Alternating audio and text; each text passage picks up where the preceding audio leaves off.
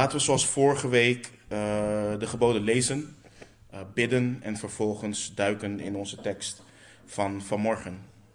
En we pakken hem vanaf vers 6, waarin we lezen: Ik ben de Heere, uw God, die u uit het land Egypte, uit het slavenhuis geleid heeft. U zult geen andere goden voor mijn aangezicht hebben. U zult voor uzelf geen beeld maken, geen enkele afbeelding van wat boven in de hemel of beneden op de aarde of in het water onder de aarde is. U zult zich daarvoor niet neerbuigen en die niet dienen. Want ik, de Heere, uw God, ben een naijverig God, die de misdaad van de vaderen vergeldt aan de kinderen en aan het derde en aan het vierde geslacht van hen die mij haten. Maar die barmhartigheid doet aan duizenden van hen die mij liefhebben en mijn geboden in acht nemen.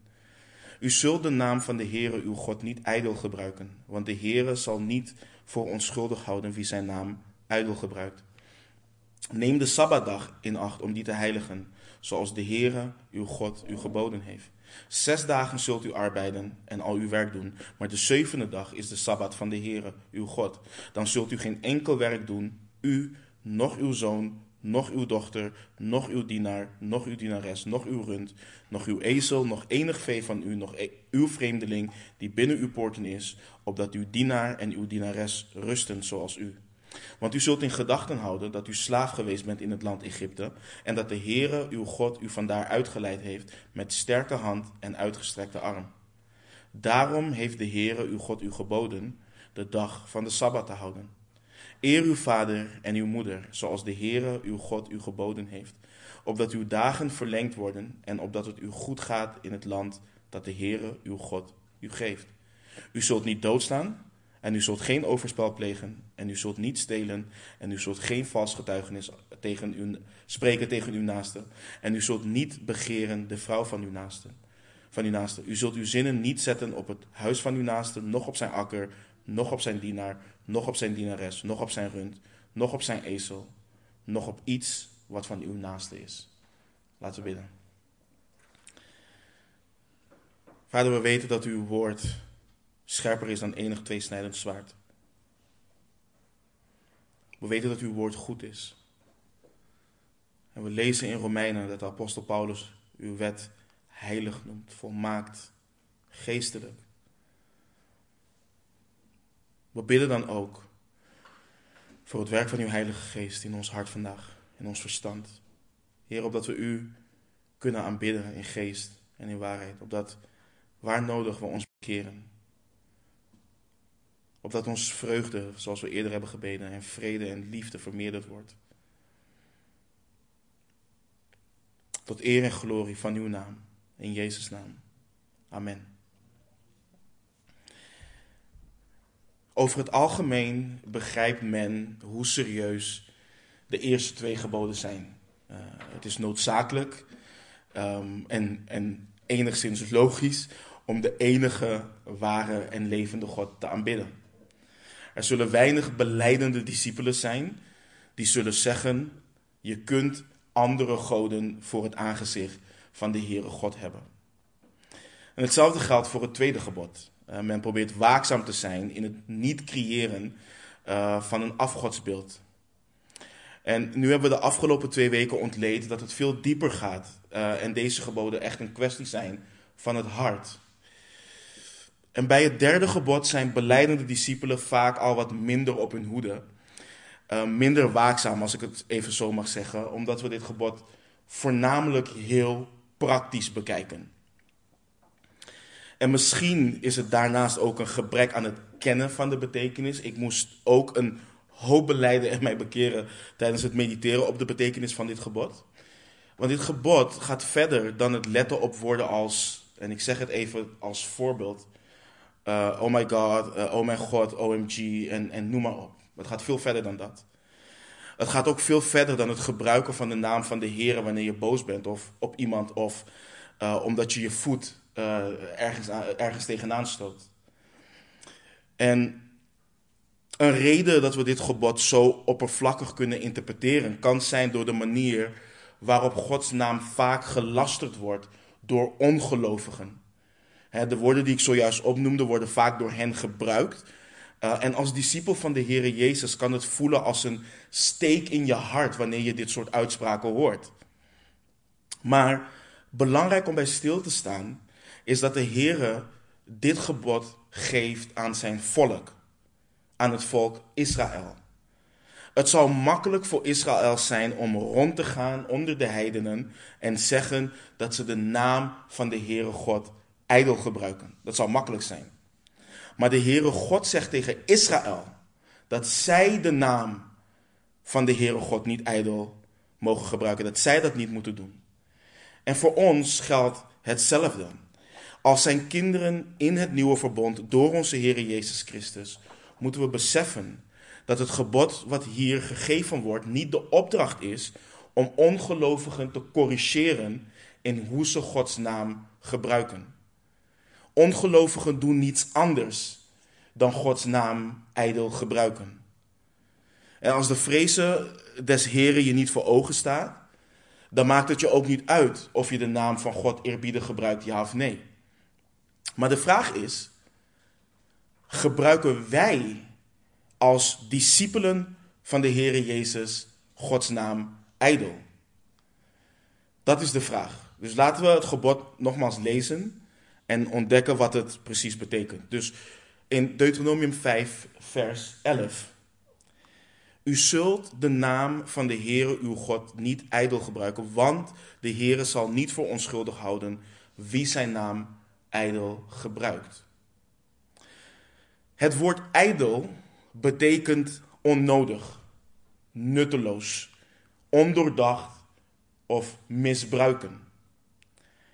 En dan moeten we de vraag stellen: wat gebeurt er met Gods naam wanneer het onnodig wordt gebruikt, wanneer het nutteloos wordt gebruikt, ondoordacht wordt gebruikt en, en dus misbruikt wordt?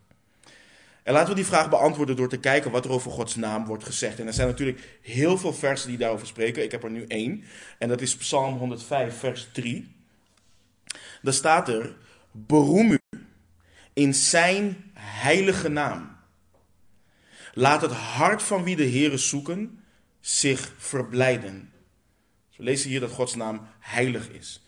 Als je iets meer naar links gaat in, in, in de psalmen, psalm 30, vers 5, dan lezen we: Zing psalmen voor de Heer, gunstelingen van Hem.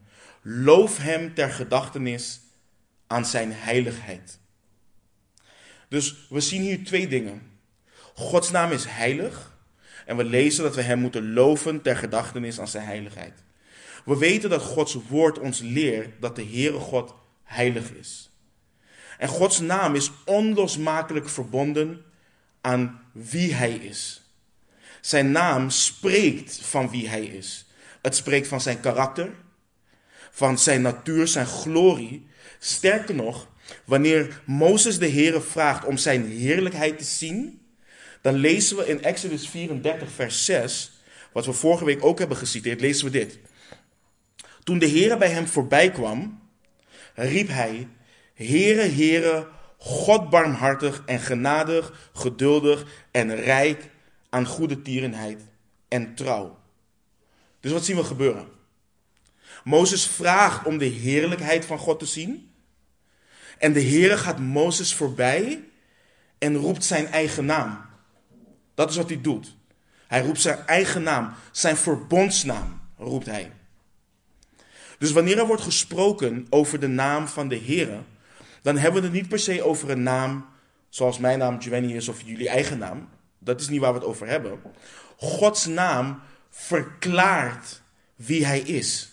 Het verklaart hoe hij is, wat hij wilt en wat hij doet. Dus wat God leert is onlosmakelijk verbonden aan zijn naam, aan wie hij is. In het hoge, uh, hoge priesterlijk gebed bad de Heer Jezus in Johannes 17, vers 6. Ik heb uw naam geopenbaard aan de mensen die u mij uit de wereld gegeven hebt. Zij waren van u en u hebt hen mij gegeven. En zij hebben uw woord in acht genomen. Is de Heer Jezus rondgegaan en, en de verbondsnaam van de Heer continu blijft zeggen? Nee. Hij heeft heel het raadsbesluit van God verkondigd. Het is onlosmakelijk aan wie de Heere God is.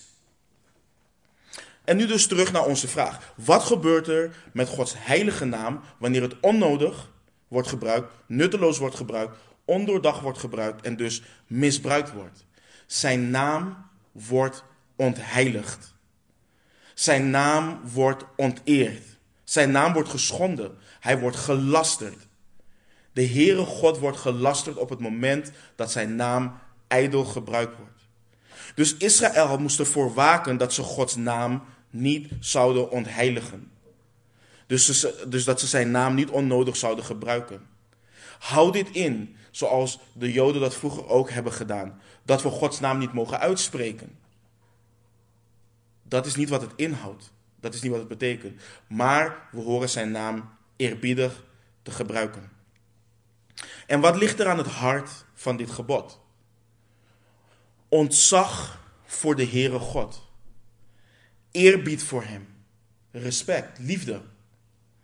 Als we weten wie de Heere God is en we beleiden van Hem te houden, dan, laten we dat, dan, laat, dan zullen we dat laten zien door eerbied, ontzag, door vrees te hebben voor wie Hij is. Door vrees te hebben voor Zijn naam. En dit gebod is net zo serieus als de eerste twee geboden. We lezen namelijk dat er staat dat de Heere de persoon die zijn naam ijdel gebruikt niet voor onschuldig zal houden. In Leviticus 24, 16 lezen we het volgende. Wie de naam van de Heere lastert, moet zeker ter dood gebracht worden. Heel de gemeenschap moet hem zeker stenigen. Zowel de vreemdeling als de ingezetene moet zeker gedood worden, als hij de naam gelasterd heeft. Nu weten we dat Israël geen democratische staat was, maar een theocratie. En dat is een staatsvorm waarin de Heere God direct regeert. Hij heerst. Hij is de uitvoerder van de wetten. Hij is de gezaghebber. Hij bepaalt hoe de wetten en, eh, um, en die worden uitgevoerd overeenkomstig zijn geboden. En voor ons geldt dus niet dat wij nu rondgaan en mensen gaan lopen stenigen. We weten dat, maar we moeten dat wel zeggen. Maar wat, in wat we in dit vers zien is dat de Heere God het heel serieus neemt. Wanneer zijn naam gelasterd wordt. De consequentie was de dood. Voor zowel de vreemdeling als voor de Israëliet. Dus Israël mocht de naam van de Heere God niet ijdel gebruiken. Ze moesten juist de naam van de Heere God heiligen. Het verheerlijken. Maar hoe werd de naam van de Heere God ijdel gebruikt? Wat viel er onder andere onder, onder het ontheiligen, het lasteren van Gods naam? En we gaan voorbeelden zien waarin we ook weer ontdekken dat dit veel verder gaat dan wat we in eerste instantie denken. Als je in je Bijbel in, naar Leviticus 18:21 gaat, dan lezen we het volgende. Leviticus 18, vers 21. U mag niemand uit uw nageslacht overgeven om aan Molech geofferd te worden. De naam van uw God mag u niet ontheiligen. Ik ben de Heer. En onder bepaalde heidense groepen werden er kinderen geofferd aan Molech door hen te verbranden op een altaar. En de Heere God gebiedt Israël dit niet te doen. Want dit zou de naam van de Heere God ontheiligen. Nou, in Jeremia 32 lezen we dat Israël zich niet aan dit gebod heeft gehouden. Dus dit is ook een manier waarop het derde gebod gebroken werd, geschonden werd door Israël. Als je verder gaat in Leviticus, in Leviticus 19, lezen we een andere manier waarop dit gebod gebroken werd. We lezen daar in Leviticus 19, vers 12. U mag geen valse eed afleggen in mijn naam en zo de naam van uw God ontheiligen. Ik ben de Heer. Dus vals zweren, een valse eed afleggen, zweren bij Gods naam. Uh, zeggen dat je iets gaat doen en het niet doen, het, het niet houden van je woord. In Leviticus 22, vers 2 lezen we dat Aaron uh, en zijn zonen voorzichtig moeten omgaan met de geheiligde gaven van de Israëlieten. Die zij voor de Heere God heiligen, zodat zij zijn naam, zijn heilige naam niet ontheiligen. Dat is ook weer een manier.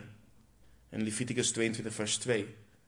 Een andere manier was het vals profeteren in de naam van de Heer, of valse dromen en visioenen doorgeven, als ook het lasteren van Gods naam. De Heere zegt in Jeremia 23, vers 25. Ik heb gehoord wat de profeten zeggen die in mijn naam leugen profeteren door te zeggen: Ik heb gedroomd, ik heb gedroomd. Dit is ook trouwens voor onze bemoediging, want we zien natuurlijk valse leraren als paddenstoelen uit de, uit de grond opschieten. En we denken: Ziet de Heer dit? De Heer ziet het. De Heer hoort het. En hij zal het ook vergelden op de dag van de Heer Jezus Christus. En ieder die vals heeft gesproken in zijn naam, de Heer zal het vergelden. Maar we lezen dus. Ik heb gehoord wat de profeten zeggen die in mijn naam leugen profeteren door te zeggen: Ik heb gedroomd, ik heb gedroomd. En zo zijn er meer voorbeelden die we kunnen halen, uh, aanhalen in het Oude Testament. Hoe het derde gebod gebroken wordt. Hoe de naam van de Heere ijdel gebruikt wordt. Hoe het ontheiligd en gelasterd wordt. En als we kijken naar de voorbeelden die we zojuist hebben opgenoemd, waarom is dit een probleem? En het, het, het, is het volgende. Israël is het volk waar de Heere God een verbond mee heeft gesloten. De Heere God heeft Israël onder andere uitgekozen om zijn heerlijkheid zichtbaar te maken. En alles wat de Heere doet, alles wat de Heere God doet, doet hij voor zijn glorie. Het idee dat Israël, net als de heidenvolken, kinderen zouden offeren aan Molech, Molech zou de Heere God maken net als de valse en gruwelijke goden van de heidenen. En de wereld wist, door de manier waarop de Heere God Israël uit Egypte heeft geleid, dat zij zijn volk waren. Dus alles wat ze zouden doen, alles wat ze zouden zeggen, hoe zij zouden zijn, zou een reflectie zijn van wie de Heere God was. En hetzelfde geldt dus voor het afleggen van een valse eed het geven van valse profetieën, dromen en visioenen. De Heere God is waarachtig. En hij eist dus dat zijn volk dat ook is. En wanneer Gods kinderen gekenmerkt worden door onbetrouwbaarheid, door leugen, dan zal dat automatisch wat over de Heere God zeggen in de ogen van de ongelovige heidenen. En daarom zei de Heer ook in Ezekiel 36, versen 22 en 23. Dan zegt hij, zeg daarom tegen het huis van Israël. Zo zegt de Heere, Heere. Ik doe het niet om u, huis van Israël, maar om mijn heilige naam, die u ontheiligd hebt onder de heidevolken waarin u gegaan bent. Ik zal mijn grote naam heiligen, die u, die onder de heidenvolken ontheiligd is, die u in hun midden ontheiligd hebt. Dan zullen de heidenvolken weten dat ik de Heere ben, spreekt de Heere, Heere, als ik in u voor hun ogen geheiligd word. Dus we zien hier dat het veel verder gaat dan alleen wat er gezegd wordt. De naam van de Heere God kan al ijdel gebruikt worden. Het wordt al ontheiligd in ongehoorzaamheid aan de Heere God. Het gaat hier om zowel spreken als de daden die we doen. En we zien hier dus een aantal voorbeelden in de tijd van Israël. En nu weten we dat de Heere Jezus de wet heeft vervuld. Maar dat Hij daarin de ware betekenis ook duidelijk heeft geopenbaard. En één ding waar ik aan moet denken is dat wanneer de Heer Jezus de discipelen leert bidden, wat is het eerste waar het gebed mee begint? In Matthäus 6, vers 9. Oh, ik heb hem hier niet op, sorry. Matthäus 6, vers 9. Ik ga ervan uit dat we hem allemaal uit ons hoofd kennen. Onze Vader die in de hemelen zijt, uw naam worden geheiligd. Dat is hoe het gebed begint. Uw naam worden geheiligd. De Heer Jezus haalt in dit gebed direct de focus van ons af en verlegt alles naar de Heere God. Zijn naam worden geheiligd. De vraag in het gebed is als het ware dat de God handelt, opdat zijn glorie, zijn heerlijkheid zijn grootheid zichtbaar wordt. Dat het kenbaar wordt. Is dat iets waar we onszelf om bekommeren? Is dat iets waar we mee bezig zijn? En hoe komt dat tot uiting in ons leven? Want zoals we hebben gelezen wat betreft de Israëlieten, wordt de naam van de Heere continu gelasterd door beleidende discipelen van de Heer Jezus. En de grootste wijze waarop Gods naam ijdel gebruikt wordt in onze tijd, waarop het gelasterd wordt, omschrijft de apostel Paulus in Titus 1, vers 16. We lezen daar. Zij beleiden dat zij God kennen. Dus dit gaat om beleidende discipelen. Zij beleiden dat zij God kennen, maar zij verloochenen Hem met hun werken, aangezien zij verfoeilijk zijn en ongehoorzaam en tot elk goed werk ongeschikt. En dit vers haalt het argument, ja, maar je kunt niet in mijn hart kijken, helemaal onderuit. Het argument, ja, maar mijn hart is oprecht voor de Heer, dat gaat niet op. De apostel Paulus is heel duidelijk. Zij beleiden dat ze God kennen. Maar ze verloochenen hem met hun werken, aangezien zij verfoeilijk zijn en ongehoorzaam en tot elk goed werk ongeschikt. Paulus zegt dat ze zich afschuwelijk en ongehoorzaam gedragen. Hoe vaak heb je deze opmerking wel niet gehoord? Hopelijk niet over jezelf, maar over beleidende discipelen. Dat noemt zichzelf een christen. Dat noemt zichzelf een christen. Dat noemt zichzelf een volgeling van de Heere Jezus. En ik heb het vaker gezegd, maar je blijft het in de wereld zien. Ook al wordt het volledig uit context gehaald door de wereld. Wanneer men hoort dat jij beleidt dat je Jezus navolgt, dan verwachten ze beter van je. Ook al geloven ze niet in de Bijbel. Ook al zeggen ze, het is door mensen geschreven, dit is niet Gods woord.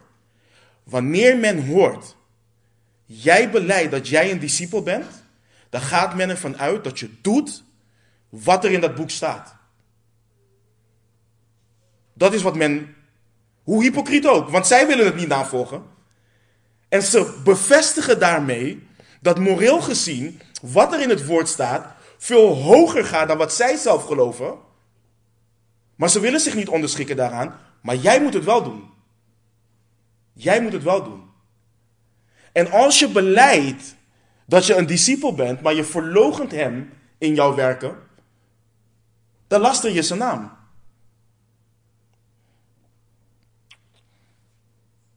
En discipelen van de Heer Jezus horen hem niet te verloochenen met hun werken. In Efeze 2, vers 10 leren we. Want wij zijn zijn maaksel, geschapen in Christus Jezus om goede werken te doen, die God van tevoren bereid heeft, opdat wij daarin zouden wandelen. Dat is wat de apostel Paulus schrijft. Beleidende discipelen dienen te wandelen in de goede werken die God van tevoren bereid heeft.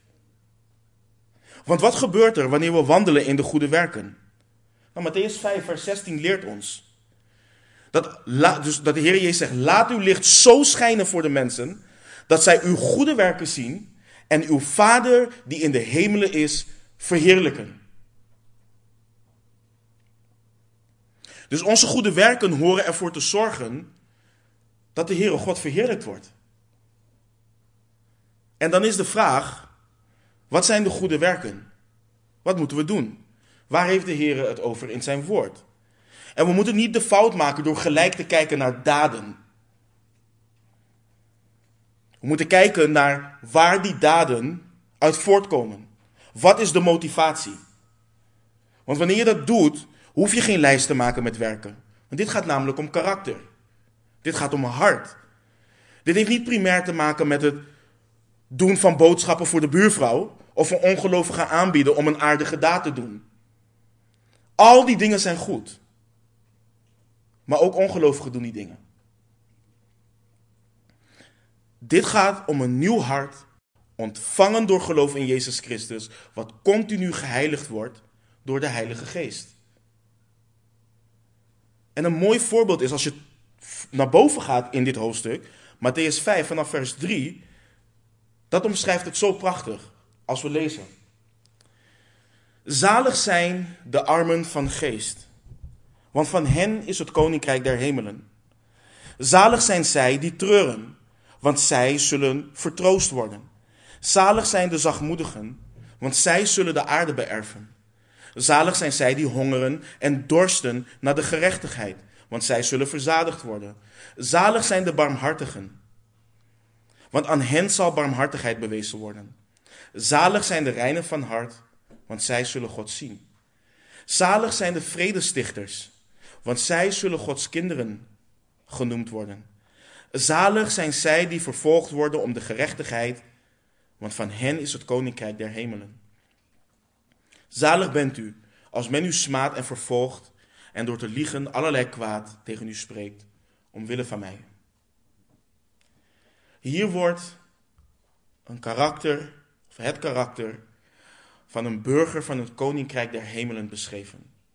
Dit wat hier staat, dit is niet om gered te worden.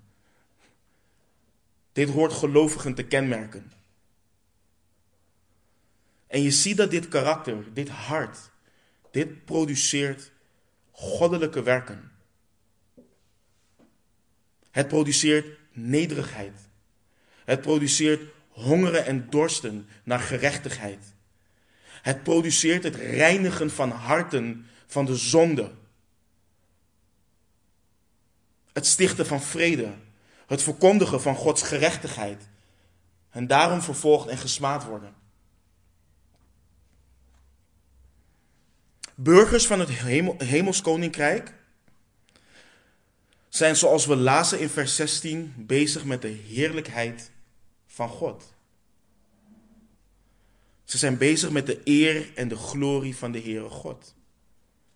Dus het is één om te beleiden dat we God kennen zoals we lazen in Titus 1 vers 16. Maar hoe zit het met ons werken? Hoe zit het met ons hart? Leven we tot eer en glorie van onze God? Zijn we gehoorzaam? De Heer Jezus Christus spreekt over dit soort mensen en citeert wat de profeet Jesaja geprofeteerd had. In Matthäus 15, versen 8 en 9 lezen we. Dit volk nadert tot mij met hun mond en eert mij met de lippen, maar hun hart houdt zich ver bij mij vandaan. En let op wat er staat. Maar te vergeefs. Dus ze naderen met hun mond, eren hem met hun lippen, en dan zegt hij, maar te vergeefs eren zij mij. Omdat zij leringen onderwijzen die geboden van mensen zijn. Het is makkelijk om religieus te zijn. Om de juiste dingen te zeggen. En zelfs om in onze ogen de juiste dingen te doen. Nogmaals, wat is de motivatie? Is onze motivatie dat we de Heere God verheerlijkt willen zien op heel de aarde? Als je de psalmen schrijft, de psalm, of leest, de psalmisten, die zijn daarom bekommerd. Willen we dat de glorie van God zichtbaar is door zijn kerk heen? En hoe zien we dat bijvoorbeeld nu tegenwoordig in, in, in de beleidende kerk? Nou, in een gebrek aan liefde. De Heer Jezus zei in Johannes 13, vers, vers 35: Hierdoor zullen allen inzien dat u mijn discipelen bent, als u liefde onder elkaar hebt. Hoe hebben wij elkaar lief? Hebben wij elkaar lief tot eer en glorie van de Heer Jezus Christus? Niet alleen onder de ongelovigen, maar ook onder elkaar als gelovigen. En soms zijn we zo bezig met het willen dat anderen de heren, die de Heer nog niet kennen, dat, dat ze Hem gaan leren kennen. En prijs de Heer daarvoor, want dat is nodig. Maar in hoeverre zijn we bezig met de heerlijkheid van God onder elkaar? Onder elkaar als beleidende discipelen. De apostel Paulus dankte in zijn gebeden voor het geloof en de eh, liefde van de Thessalonicense onderling. Dat is hoe hij zijn brief opent. Hij dankte God voor het geloof van de Romeinen. Dat is wat we, dat we, wat we lezen in de brief van de Romeinen. Hij dankte de Heere God voor de liefde van de Efeziërs voor alle heiligen.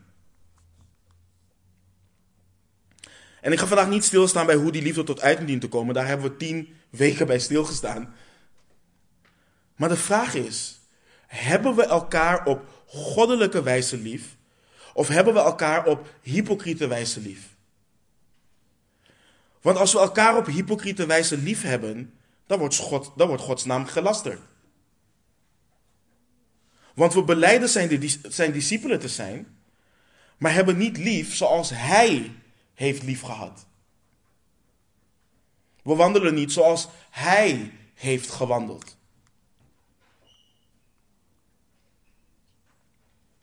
Dus hoe hebben we elkaar lief? Een andere wijze waarop Gods naam wordt gelasterd en dus ijdel wordt gebruikt, is het leven in zonde en daar niet mee dealen. Zowel als individu als gemeente. Paulus schreef aan de Corinthiërs in 1 Korinthe 5, versen 1 en 2. Men hoort algemeen dat er hoererij onder u voorkomt. En wel zo'n vorm van hoererij waarvan zelfs onder de heidenen geen sprake is. Namelijk dat iemand de vrouw van zijn vader heeft. En u doet zich zo gewichtig voor. Kunt u niet beter treuren om dan hem die deze daad begaan heeft uit uw midden weg te doen? Dus men hoort over de zonde die er onder de Corinthiërs voortkomt. Men weet in Korinthe dat dit een gemeente is. Men weet dat dit een gemeente is die beleidt te geloven in de Heer Jezus Christus. En er vindt een vorm van hoererij plaats onder hen, die niet eens onder de heidenen plaatsvindt. En ook al zou het onder de heidenen plaatsvinden, zou dat het niet beter maken. Maar let op wat de apostel Paulus schrijft. Jullie doen zo gewichtig. Zo arrogant, zo trots, zo hoogmoedig.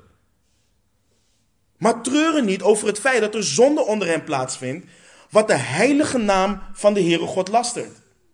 Let op wat er staat. Men hoort algemeen dat dit onder u plaatsvindt. En er is een overvloed aan geestelijke gaven in de, in, in de gemeente Korinthe. Men profiteert, men spreekt in talen, men heeft genadegaven van genezing, maar zonde heerst en de naam van de Heere wordt gelasterd. En waarom wordt de naam van de Heere God gelasterd? Want door zo te leven ontstaat de gedachte dat de Heere God helemaal geen afkeer heeft van zonde. Dat ze kunnen leven zoals ze dat willen. Dat God helemaal niet heilig is. En dat zij ook niet worden opgedragen om heilig te zijn.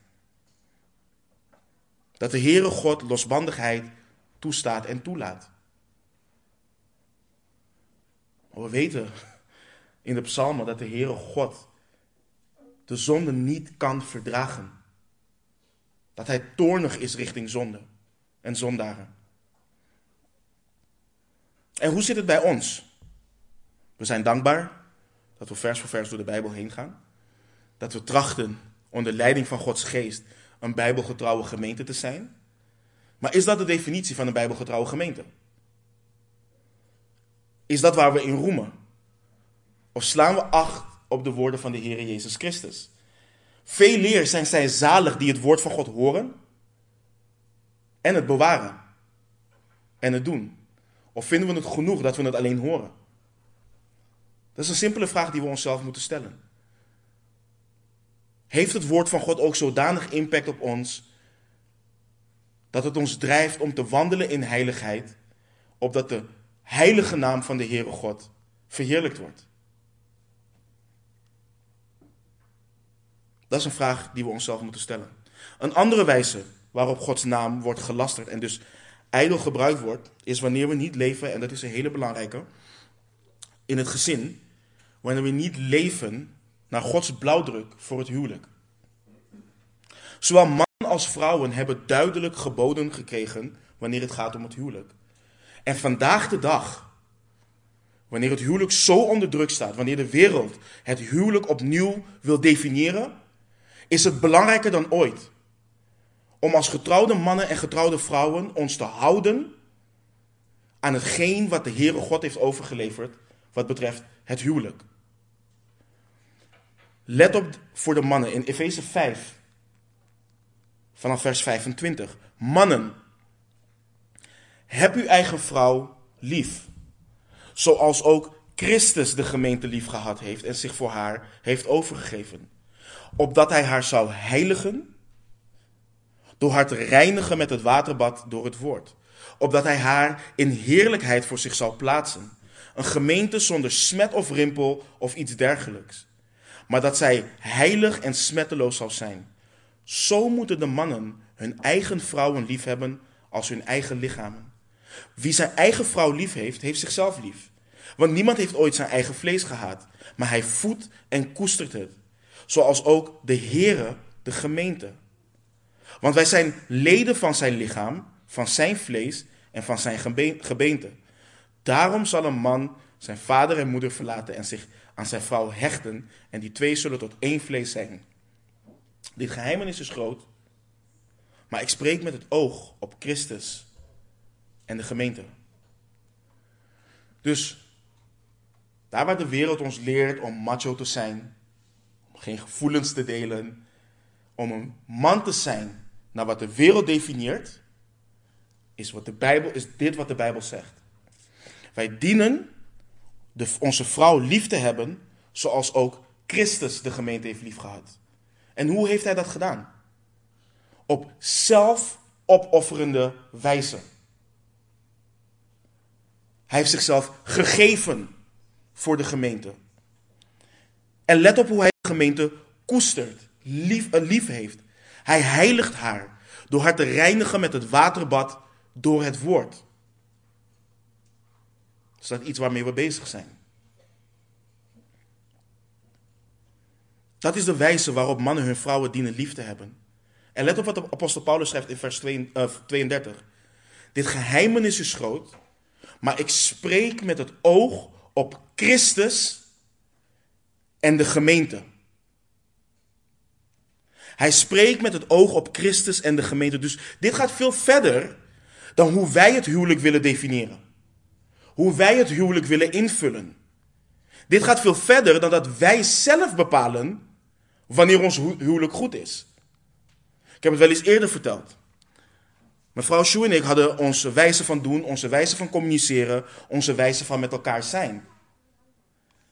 En wij vonden dat in onze eigen ogen goed. Maar dit ging en dit gaat niet om ons. Het moest op de schop. En we moesten en moeten onszelf verloochenen en God zoeken in wat Hij wilt en hoe Hij wilt dat wij samen zijn tot eer en glorie van Zijn naam. Want Paulus schrijft, dit is met het oog op Christus en de gemeente. De naam van Christus, de naam van God, wordt verheerlijkt wanneer een man zijn vrouw lief heeft op goddelijke, zelfopofferende wijze. Wanneer hij zich inspant om zijn vrouw lief te hebben in gehoorzaamheid aan de Heere God. Het wijst op Christus en de gemeente. Hetzelfde geldt ook voor de vrouwen. Net zoals de mannen een opdracht krijgen, krijgen de vrouwen ook een opdracht.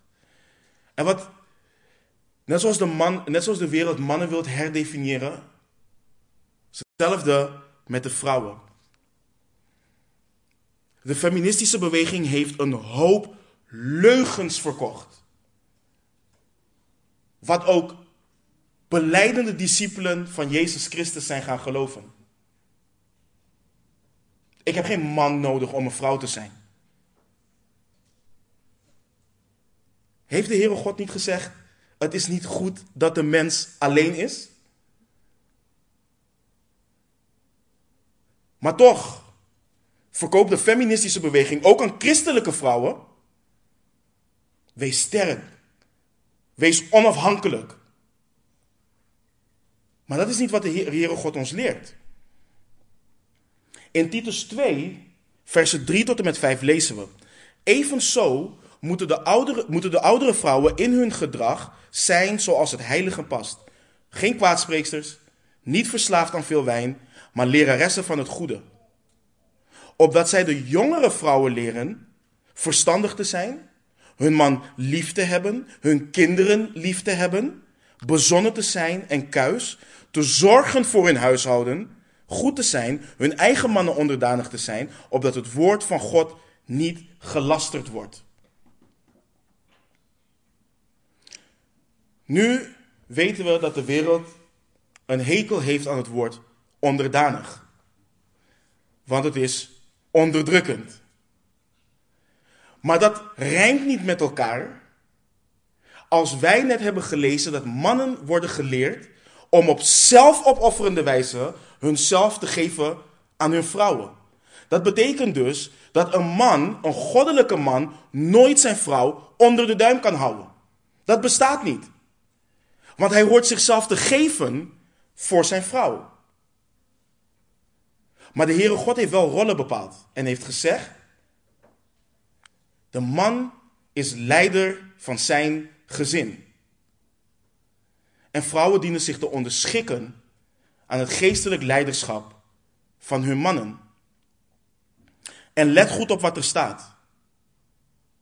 Opdat het woord van God niet gelasterd wordt. Wanneer wij gaan leven naar onze eigen ideeën wat betreft het huwelijk, dan is het niet meer overeenkomstig Gods woord. Maar daarin beleiden we, of blijven we wel steeds beleiden, dat we discipelen van de Heer Jezus zijn. Dus wanneer, wat, wat krijg je wanneer je dat beleidt? Maar dit blauwdruk niet tot uiting laat komen. Gods woord wordt gelasterd. We hebben gezien hoe God, wat God leert, onlosmakelijk verbonden is aan wie Hij is, hoe Hij is, wat Hij wilt. Wanneer wij in de wereld leven en het gezin gaan herdefiniëren naar de maatstaven van de wereld, dan wordt de Heere God gelasterd. Zijn naam wordt gelasterd. Het instituut van het gezin wat de Heere God heeft ingesteld, is zo heilig. Het is zo prachtig. Al het goede wat God geeft, is vol, het is volmaakt. Dus hieraan houden verheerlijkt de Heere God. Als wij dan leven met de gedachte, o Heere, toon mij uw wil. Ik wil uw wil doen. Het staat er. Het staat er. We hebben eerder ook gelezen over het afleggen van een valse eed. Het maken van een valse belofte. Het zweren in Gods naam. En de fariseeën hadden hier een handje van. Zij probeerden zelf te definiëren wanneer je wel aan een eed gebonden was en wanneer niet. Dus wanneer je belofte bindend was en wanneer niet. In Matthäus 23 vanaf vers 16 um, ehm, lees wat volgende. Dan zegt de Heer Jezus: Wee u, blinde leiders, die zegt: Heeft iemand gezworen bij de tempel?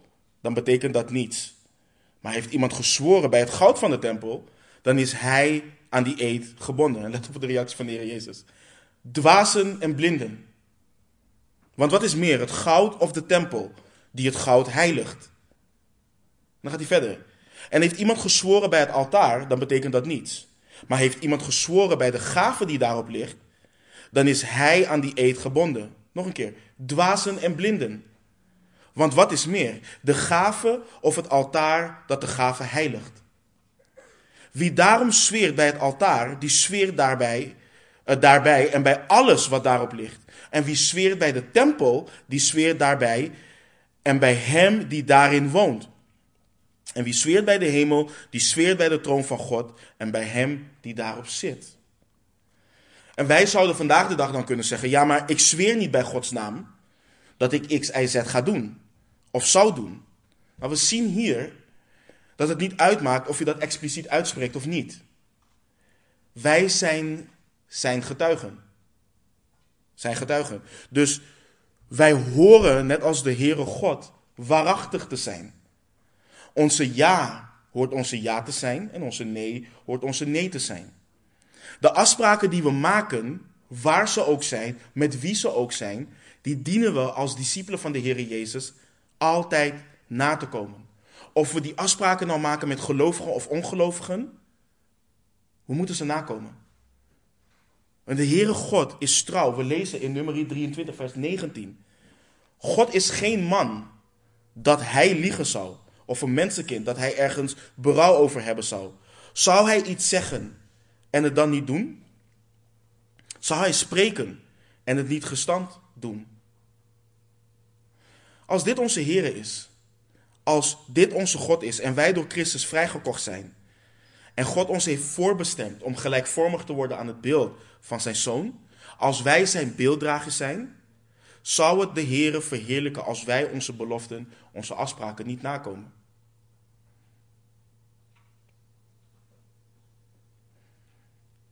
En het laatste waar ik bij wil stilstaan is het misbruiken van Gods naam. Of op ondoordachte wijze Gods naam gebruiken wanneer we over, over of namens Hem spreken. En dit gebeurt op verschillende manieren. En een van die manieren waarop dit veel gebeurt is om de naam van, de van, van God te gebruiken om een vorm van autoriteit of gewicht toe te voegen aan onze eigen ideeën of onze eigen verlangens of onze eigen gevoelens. Denk aan valse leraren die hun gemeente zeggen dat God heeft gezegd dat hij een privéjet nodig heeft om het evangelie te verkondigen over de hele wereld. Of dat als de Heer Jezus hier vandaag de dag op aarde was, hij ook een privéjet zou hebben uh, en gebruiken voor zijn bediening. Terwijl we lezen dat de Heer Jezus is uitgezonden voor de schapen in Jeruzalem. Dus ik weet niet waarom hij het nodig heeft om in, in, in Israël met een privéjet rond te gaan. Maar dat terzijde. Maar wanneer we dus onze eigen verlangens willen doordrukken en Gods naam daarvoor misbruiken. Denk aan wanneer mensen zeggen: Ja, God heeft me gezegd om X, Y, Z tegen jou te zeggen. Dit is de naam van de Heere God ijdel gebruiken. Dit is zijn naam misbruiken.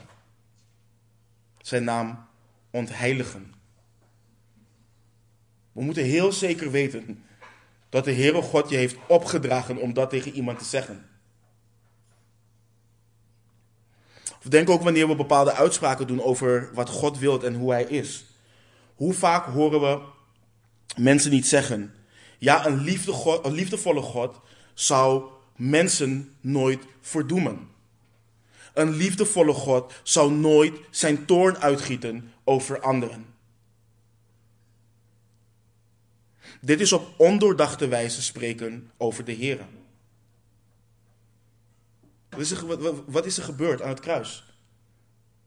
Heeft de Heer Jezus daar niet de, de, de drinkbeker van Gods toorn gedronken? Opdat wij die geloven in Hem verlost kunnen worden. Lezen we niet in Jesaja 53 dat het Hem ver, um, um, behaagd heeft om zijn zoon te verbrijzelen aan het kruis?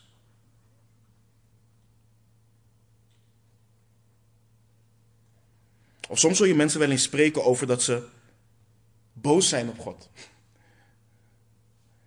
Dat God iets heeft toegelaten in hun leven en dat ze nu boos zijn op God en de Heere God moeten leren vergeven. Luister. Er is niets, niets wat de Heere God in jouw leven kan toelaten. Niets waarvoor Hij te beschuldigen is en hij jouw vergeving voor nodig heeft. Niets. We hebben te maken met een heilig en rechtvaardig God. Het is dwaalleer wanneer mensen leren dat we God moeten vergeven. Dat we boos mogen zijn op God. Nergens in de schrift kom je dat tegen omdat de mensen die de schrift hebben geschreven, vrees hebben voor God. Dus dit is op ondoordachte wijze spreken over de Heer. Wanneer we spreken over God, wanneer we spreken namens Hem, dan moeten we zeker weten dat dit overeenkomt met de manier waarop Hij zichzelf heeft geopenbaard in de schrift. En als we dat niet doen, dan zal de Heere God ons niet voor onschuldig houden. Maar nu wil ik afsluiten met het volgende. Want in 1 Korinthe 13 leert Paulus ons dat we ten dele kennen. We kennen ten dele. Dus het zal voorkomen dat we iets zullen zeggen in onze onwetendheid wat niet waar is. En niemand van ons wandelt volmaakt en, last, en, en lastert dus op enige wijze de naam van de Heere God. Dus ieder van ons is schuldig aan het verbreken van dit gebod. En nu is de vraag: waar is onze hoop? Waar is onze hoop? En we vinden de hoop en de zekerheid in Hem die volmaakt deze wet heeft gehouden.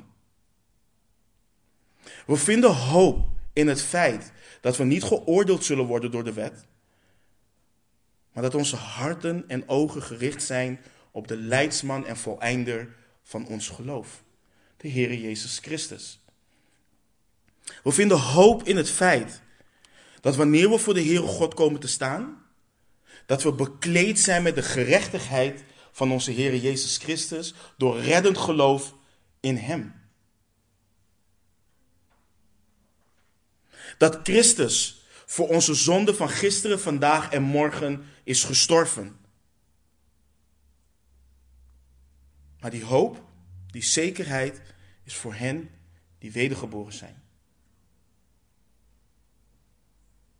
Voor hen die hun vertrouwen hebben gelegd in de Heer Jezus Christus. Voor de vergeving van hun zonde. Voor hen die door de wedergeboorte nu de wet op hun hart geschreven hebben staan. Voor hen die voor ogen houden dat de naam van de Heer heilig is. En dat de geest in hun werkt om de Heer Jezus Christus in hun te verheerlijken. Die niet doen wat ze zelf willen die niet leven voor hunzelf, maar die leven voor de eer en de glorie van onze Heer Jezus Christus. Die alles doet, alles doet voor de naam van de Heer Jezus Christus. En ik moet denken aan, weet je, de apostel Paulus. Ik heb hem nu niet op het scherm staan, maar in Romeinen 7, als je in je Bijbel naar Romeinen 7 gaat. Dit is echt, ik hoop dat we hoop en zekerheid hierin vinden. In Romeinen 7 vanaf vers 14, dan leren we. Want wij weten dat de wet geestelijk is, maar ik ben vleeselijk, verkocht onder de zonde. Wat ik namelijk teweeg breng, doorzie ik niet. Want niet wat ik wil, dat doe ik, maar wat ik haat, dat doe ik. Niemand van ons, ik ga ervan uit, die wedergeboren zijn, niemand van ons wil het derde gebod verbreken. Maar nogmaals, want niet wat ik wil, dat doe ik, maar wat ik haat, dat doe ik. En als ik dat doe wat ik niet wil, val ik de wet bij dat zij goed is. Nu ben ik het echter niet meer die dit teweeg brengt, maar de zonde die in mij woont. Want ik weet dat in mij, dat is in mijn vlees, niet goed, niets goeds woont. Immers, het willen is er bij mij wel, maar het goede teweeg brengen, dat vind ik niet. Want het goede dat ik wil, doe ik niet, maar het kwade dat ik niet wil, dat doe ik. Als ik nu doe wat ik niet wil, breng ik dat niet meer teweeg, maar de zonde die in mij woont. Ik, ontwet dus deze, ik ontdek dus deze wet in mij. Dat als ik het goede wil doen, het kwade dicht bij mij ligt. Want naar de innerlijke mens verheug ik mij in de wet van God. We weten dat de wet goed is. We weten dat de wet heilig is. Dus zij die van God zijn, die verheugen zich naar de wet van God. Of in de wet van God. En dan gaat hij verder. Maar in mijn leden zie ik een andere wet die tegen de wet van mijn verstand strijd voert, uh, van mijn verstand, verstand strijd voert en mij tot gevangene maakt van de wet van de zonde die in mijn leden is. En dan komt Paulus bij het punt waar volgens mij een hoop van ons zijn. Ik ellendig mens. Wie zal mij verlossen uit het lichaam van deze dood? En dan lezen we in vers 25 de hoop die we hebben. Ik dank God door Jezus Christus, onze Heer. Hij is onze hoop. Zo dien ik dan zelf wel met het verstand de wet van God, maar met het vlees de wet van de zonde. Vers 25. Ik dank God door Jezus Christus, onze Heer. Broeders en zusters, we hebben hoop en zekerheid. En daarom is het belangrijk om altijd te kijken naar Hem. Hem die ons vrijkoopt. Naar Hem die ons vrijgekocht heeft. Maar we moeten voor ogen houden wie de God is die we dienen. We moeten voor ogen houden dat onze God heilig is. En dat we een vrees voor Hem dienen te hebben. En wat zo bemoedigend is, niemand in heel de schrift is volmaakt anders dan God. Maar we zien zulke prachtige getuigenissen van broeders en zusters in de schrift, die leefden voor de glorie van God. Hoe onvolmaakt ze ook waren. En wanneer je bijvoorbeeld de psalmen leest, of wanneer je het boek Job leest, dan zie je een aantal dingen die deze heiligen kenmerkten. Net zoals we in Psalm 1 lezen, ze mediteerden op de wet van God. Ze waren niet in hun eigen gedachten. Ze probeerden niet te relativeren. Ze probeerden niet te rationaliseren. Ze mediteerden op de wet van God. Want mijn hart is arglistig. En mijn hart wil wat het hart wil. Dat is toch ook wat de wereld leert? Het hart wil wat het wil. Dus ik snap die hele uitspraak niet, maar dat is wat ze leren. Maar ze mediteerden op de wet van God en daardoor dus op wie Hij is. En in hoeverre doen wij dat om te groeien in eerbied voor de Heere God? Zo de Heer in het wilt gaan we een serie doen over de eigenschappen van God. Maar weet je wat het betekent? Dat God almachtig is. Weet je wat het betekent dat de Heere God goede tieren is? Weet je wat het betekent dat de Heere God alwetend is? Wat betekent dat de, God, dat de Heere God heilig is? Dat Hij rechtvaardig is, dat Hij toornig is. Dat Hij genadig en barmhartig is. Dat Hij liefde is. Dat Hij soeverein is. Dat Hij onveranderlijk is, dat Hij geest is. Dat Hij waarachtig is. Alomtegenwoordig. En zo kunnen we doorgaan. Bestudeer je deze eigenschappen van God wanneer je de schrift opent. Bestudeer je zijn majesteit, zijn pracht, zijn glorie. Als je wilt leven voor de heerlijkheid en de glorie van de Heere God, is het dan niet goed om te weten hoe eindig heerlijk en glorieus Hij is? Dat zal je voor eeuwig veranderen. Dus nogmaals, het is goed om te weten dat de Heere God alles doet voor, zijn glorie, voor de glorie van zijn naam. En als wij leven met die gedachten, dan kunnen we leven in gehoorzaamheid aan het derde gebod. En ik moet denken aan wat we in Psalm 23, vers 1 tot en met 3 lezen. De Heere is mijn herder, mij ontbreekt niets. Hij doet mij neerliggen in grazige weiden. Hij leidt me zachtjes naar stille wateren. Hij verkwikt mijn ziel. Hij leidt mij in het spoor van de gerechtigheid omwille van zijn naam. Let op vers 3. Omwille van zijn naam. Let op de zegen waarmee de psalmist wordt overspoeld, waarmee wij worden overspoeld als Gods schapen. Let op hoe goed Hij is voor ons als onze herder. Alles wat Hij doet in ons leven, doet Hij opdat Hij verheerlijkt zal worden. En doen wij ook alles in ons leven opdat Hij verheerlijkt zal worden. Opdat Zijn naam verheerlijkt zal worden. De apostel Paulus geeft onder, onder leiding van de Heilige Geest exact die opdracht in Colossense vers 3, of hoofdstuk 3, vers 17. En alles wat u doet, met woorden of met daden, doe alles in de naam van de Heer Jezus terwijl u God en de Vader dankt door Hem. Amen. Laten we bidden.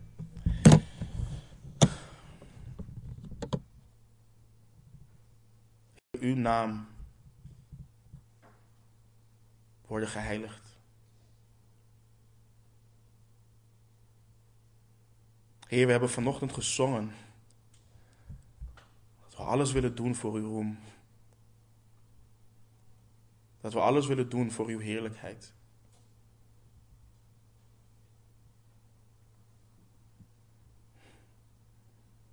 Maar als we dat ondoordacht zeggen, als we dat ondoordacht zingen,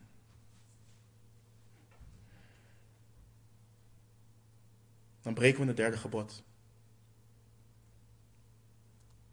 Maar Heer, u plaatst in uw kinderen, uw kinderen die u gekocht heeft, met het bloed van onze Heer Jezus Christus, een verlangen om uw wil te doen.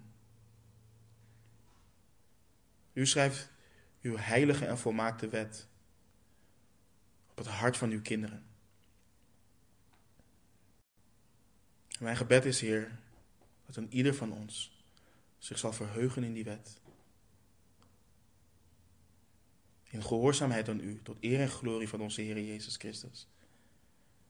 Van een leiding en in de kracht van, ons, van de Heilige Geest. In de naam van onze Heer Jezus bidden we. Amen.